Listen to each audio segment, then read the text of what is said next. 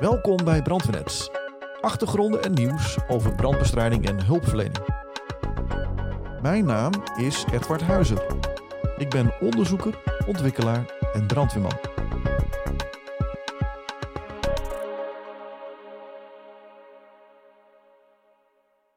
Voor meer kennis over rookverspreiding moest Michael Rijk naar Nieuw-Zeeland. Daar deed hij diepgaand onderzoek naar rookverspreiding in trappenhuizen. Hij onderzocht wat de mogelijkheden en beperkingen waren van repressieve ventilatie. Alle mogelijke parameters werden uitgeprobeerd. De resultaten waren eerst niet hoopgevend. Totdat bij toeval duidelijk werd wat de beste methode was om rookverspreiding tegen te gaan. Luister mee naar dit boeiende verhaal in de derde aflevering uit de serie over de smokeblokker.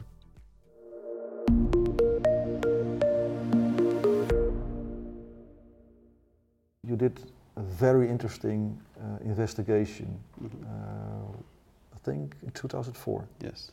Yeah. You followed a special four month study, or maybe it was Mhm, longer, mhm. uh, on smoke distribution in New Zealand Mhm. in 2004. Mhm.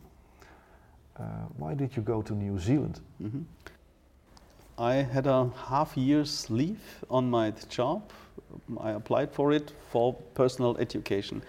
I fit- had a few years where I had to work a lot, but had less research. And I found myself in a situation where I was really thirsty for a couple of months doing some research for topics which where I am interested in. So I took my family. I had two small children, two and three years old, and my wife, and um, we said, okay, well, it's now the time. The children are not in school. I would like to do a couple of months some research study. We want to make half a year a holiday also together. So we, as a whole family, went to New Zealand for half a year, and I had the time, three or four days a week, to work at the university, not in a project. So I was totally open to do whatever I wanted. It was self-funded, and I was really in the interest to say I observed so many incidents, and key concept of positive pressure ventilation that someone was telling you if you put a fan in front of the entrance door and you put an overpressure in the staircase, this will protect smoke from flowing into the staircase. And I saw this concept failing a couple of times. And I really asked myself, what are the main parameters that positive pressure ventilation works or fails to protect and protect the staircase and prevent smoke from flowing into staircases. And I did some kind of these calculations already before to design building smoke exhaust systems. Uh, and I thought, well, I want to have the time for a couple of months to really solve this problem and get some more knowledge on this field. So it was a self funded half year research project. And what was the reason for that investiga- investigation? My personal experience from fires. I, the fires I had um, and the concept I was told, which I questioned, um, how we should use positive pressure ventilation to protect staircases. And this is for me a key point between fire safety design on one side and my work on the fire department on the other side, where I felt that there is a gap in between. We have to bridge um, the research and uh, the fire safety design concepts and the work how firefighters operate on scene. And I wanted to bring these two points closer together. Did you have uh, any goals uh, in front when you started this investigation? No, no. it was totally open. I It was just totally open. I just Yeah. thought about myself, well, I want to have the possibility as a fire service to protect a staircase from being smoke locked. And I asked myself, what are the parameters? Um, maybe I need a stronger fan. Maybe I need some smoke exhaust systems which have to be pre mounted in buildings. So I was trying to, say, to, to look after 10, 15, 20 parameters, and I wanted to realize which of these parameters are dominant and which are minor. Uh, and the, nature, our world is very complex. Engineers try to make a model, and the model is a simplification uh, of the nature. So maybe there are a hundred of different parameters which work into this problem and I wanted to see which are the five or 10 or 15 most important parameters where we, how we can calculate and influence them and then maybe get a solution with this model um, and to find a way as a fire service to be able to ensure smoke-free escape routes for civilians and have a safe place for our firefighters. The staircase should be a safe place for us to operate. We had incidents worldwide where firefighters have been going in the staircase above the fire floor and then we get a smoke explosion and, and um, some flames in the staircase and firefighters in Germany, in Paris, um, had to jump out of windows, have to be mainly really severely injured, uh, being above the fire and staircases. So my target was, for, from a firefighter point of view, from a scientific point of view, to ensure a smoke-free staircase which is under control of the fire service. Mm-hmm. And I had no limitations. I had no report to make at the end. I wasn't forced to get a result. It was just a personally motivated half-year research project. Who took part uh, in this and why? My family that followed me to New no, that Zealand. That was the main part. That was the main, the main part. But uh, no one else. No, no one, else. else. No one else. It was just myself. Uh, I used the programs which are available at the university in which I worked with as a design engineer. Um, and it was just open. I was just interested in is there anything is there an outcome out of it? Because there is no research for the fire service, or the, there was nearly no research for the fire service in 15, 20 years ago. Um, and I personally, personally had the idea to do something on this topic. And during the investigation or during this project, uh, did you have some goals yeah, not really goals, but I started with calculations. I tried to model buildings, thought about the staircase, about openings in staircases, windows. I thought about the geometry between a fan and an entrance door. Because I thought 15, 20 years ago, a lot of things I have been told the distance, the setback from the fan to the entrance door, the angle the fan has to be placed, was all told by some industrial people that tried to sell us some fans.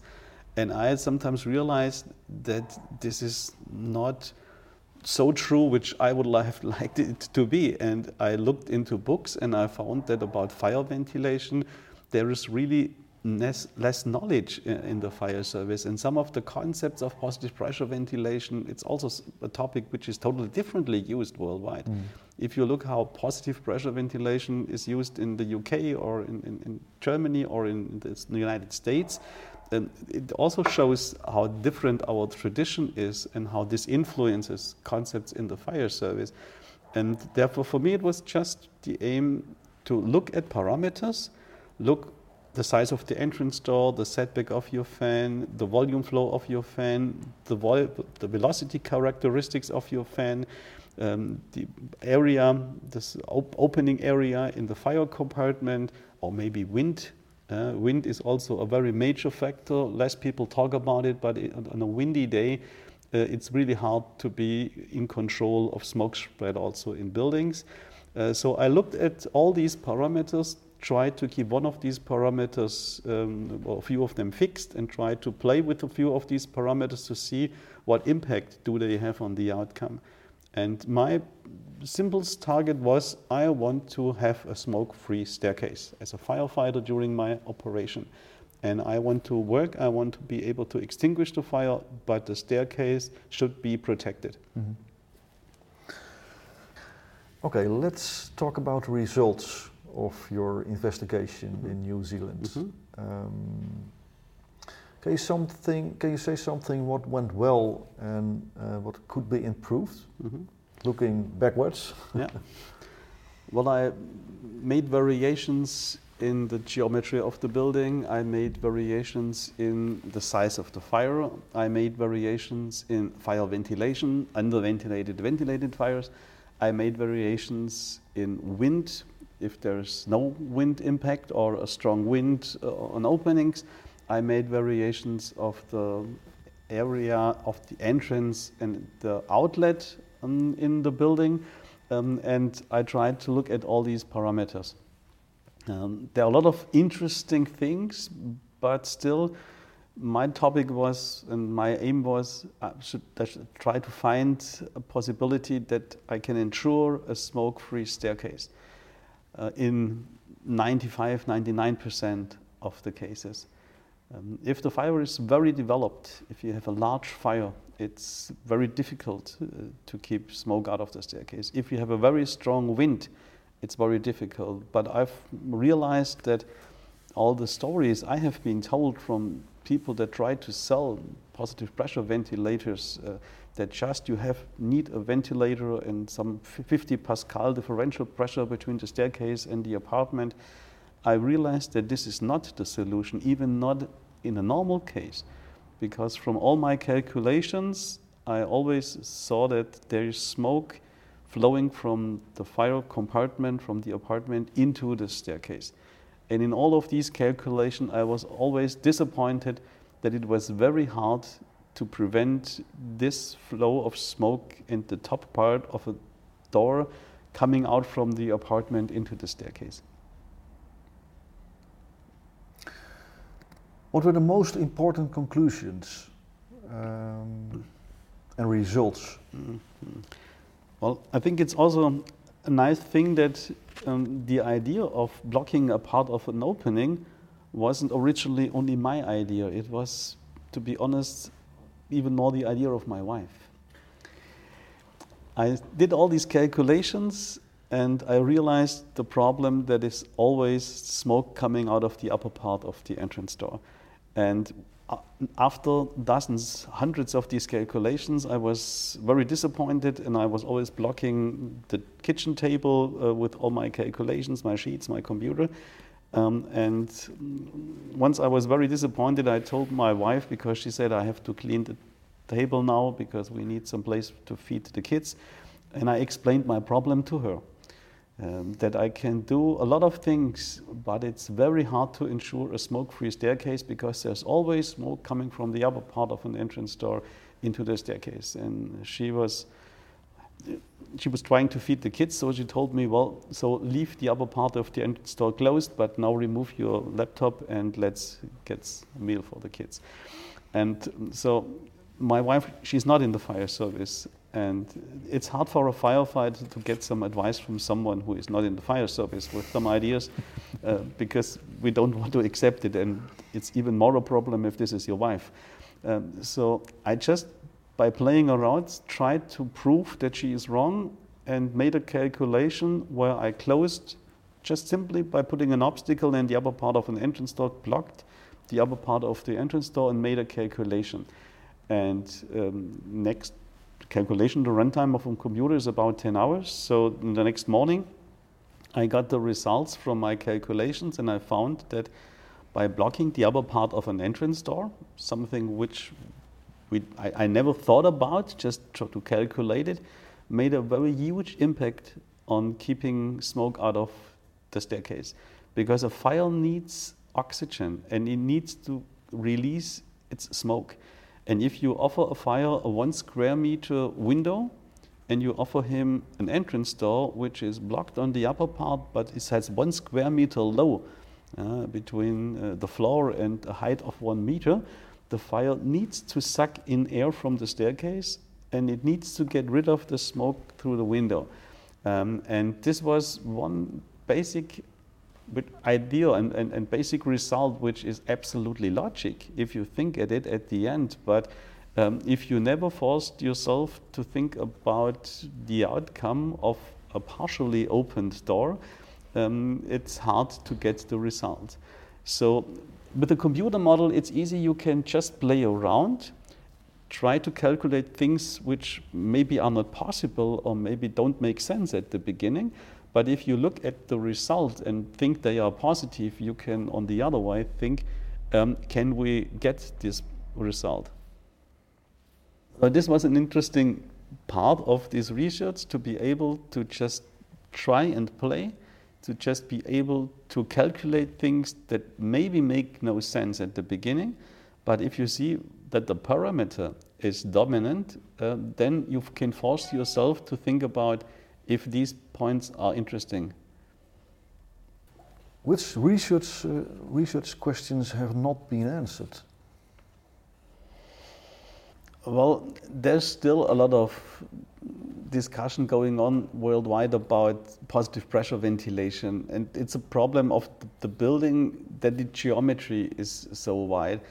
Um, the main problem is the interference, I think, right now in, in research about the interaction between ventilation and fire dynamics. Um, a lot of people underestimate um, the influence of opening doors and opening windows on fire dynamics. Um, I think this is also a huge research topic where people from UL work on to try to show that uh, modern furniture, um, synthetic material, um, has a shorter reaction time when you have an apartment fire between ventilation and a flashover in a room. Maybe this is what research on this topic worldwide uh, shows us that um, 30, 40, 50 years ago, if you opened the doors, you had five to eight, 10 minutes time between ventilation and, and ventilation introduced flashover. And in the modern world, with more underventilated fires and synthetic fuel, it seems that we only have one or two minutes. And I think that the connection and the interaction between our ventilation of the staircase and the fire dynamics in a fire compartment, how we influence flows with the stream of our nozzle. Uh, in this part, there is still some research that has to be done. Uh, practical research, which is also done worldwide. We, we know uh, countries that work on it. Um, and this is still a interesting and not totally solved problem. But for me, in my research, 2004, the outcome was that all of these parameters, the entrance door from the staircase to the fire compartment, is a very important point, and you can you should try to influence the characteristic of fresh air flowing into the fire compartment and limit it by keeping this door closed, by maybe reducing the height of this entrance door, by working on the, in, the inflow of fresh air into the fire compartment, and by blocking the smoke spread on the same position into the staircase. We are 16 years later now. Yes. 2004, it's almost 2020. Yes. There, are, there were some questions that didn't answered uh, in 2004. Some of them are answered or maybe at least addressed uh, in some parts of the world um, because all the, all the topics are connected by how you influence flows of fresh air and smoke in the entrance area from the staircase to the fire compartment. This is something where all fire departments around the world work at. They force doors, they kick in doors, they go inside. So they all have the same problem. And some try it with positive pressure ventilation. Um, in Germany, we are very successful um, with our use of the smoke curtains now. Um, and I think this is still a key point um, in fighting fires in the modern environment. Mm-hmm. In Germany, we have now 25,000 portable smoke curtains on use. And um, I think a lot of the problems which are uh, discussed around the world are maybe not solved, but greatly limited uh, by using a smoke curtain. But it was a long way from research to that point.